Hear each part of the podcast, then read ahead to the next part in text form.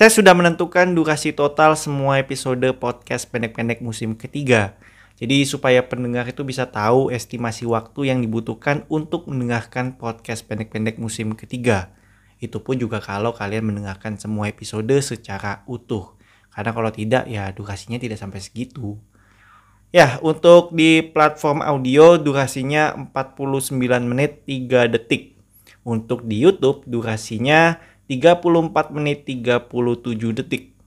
Kalau di total sama musim pertama dan musim kedua, untuk platform audio durasinya 2 jam 10 menit 53 detik.